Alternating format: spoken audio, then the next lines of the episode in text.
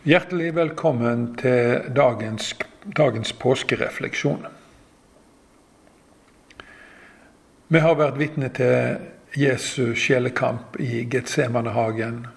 Vi har snakka om Judas og hans svik. Og vi snakket i går eller forgårs om at Jesus stilte seg mellom disiplene og de som ville arrestere dem. Han fungerer alltid som en mellommann som beskytter sine venner. Forbilledlig. I dag så skal vi følge Jesus inn i øverstepresten Kaifas sitt hus, der han ble forhørt av det høye rådet. De hadde samla seg der midt på natta. Intensjonen var å få dømt han til døden. Og det ble ført fram mange vitner mot han. Sjøl hadde han ingen advokat. Sjøl var han helt aleine mot mange, mange motstandere.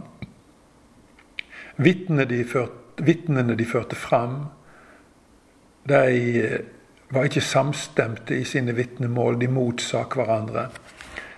Så det ble bare en tragisk forestilling. Hvem var det disse simple menneskene skulle dømme denne natta? Jo, ironisk nok, det var verdens dommer. Han som en dag skal dømme deg. Han som en dag skal dømme alle mennesker. Enten til evig liv eller evig død. Han som der og da kunne ha sendt bud på engler og ført de alle sammen inn for sin rettferdige domstol. Men han gjorde det ikke. Han var stille som et lam som ble ført vekk for å slaktes. Som Jesaja profeterte om han i sitt 53. kapittel. Jesus måtte bare tåle dette skuespillet. Han var jo ikke kommet for å dømme verden, sier han i Johannes 3, men for å frelse verden. Han var kommet for å frelse dommerne sine. Han var kommet for å frelse Det høye rådet, øverstepresten Kaifas og alle oss andre. Han måtte bare fullføre oppdraget Gud hadde gitt han. Derfor måtte han tida bom stille. Ikke forsvare seg. For en kjærlighet Jesus har til oss. Det er bare helt vanvittig. Den fikk, fikk han til å tåle både hån og spott og en smerte så djup, så djup.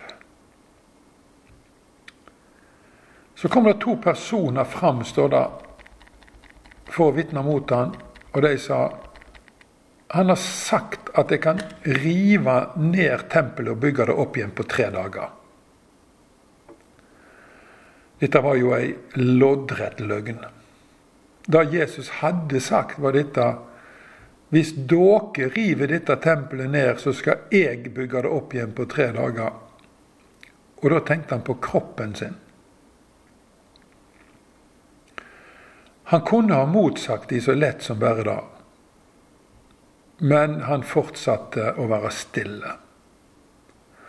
Han måtte tåle dette òg, den mest opplagte løgn ville han ikke avvise. Han klarte å beholde sinnsroen. Hvordan klarte han det? Han gjorde noe kjempelurt.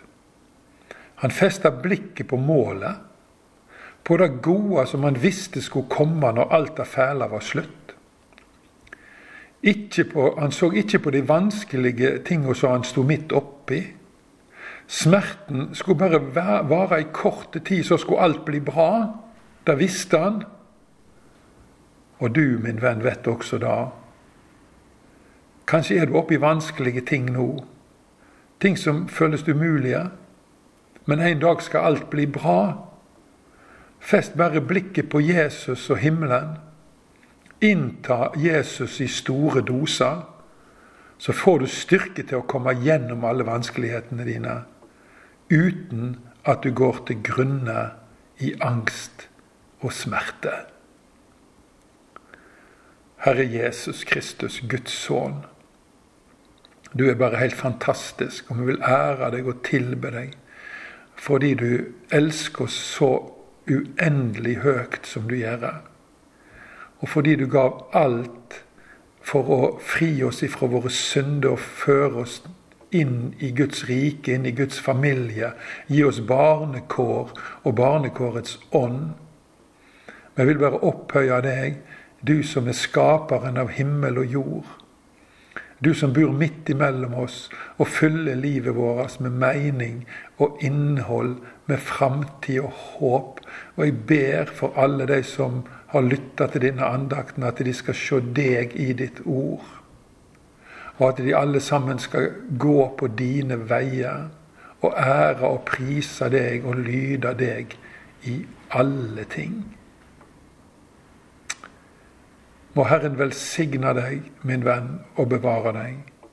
Må Han la sitt ansikt lyse over deg og være deg nådig. Må Han løfte sitt åsyn på deg og gi deg fred. Takk for at du har lytta, og for at du følger med på disse påskebetraktningene. Og jeg håper å være tilbake i morgen med en ny dose sant og ekte påskestoff.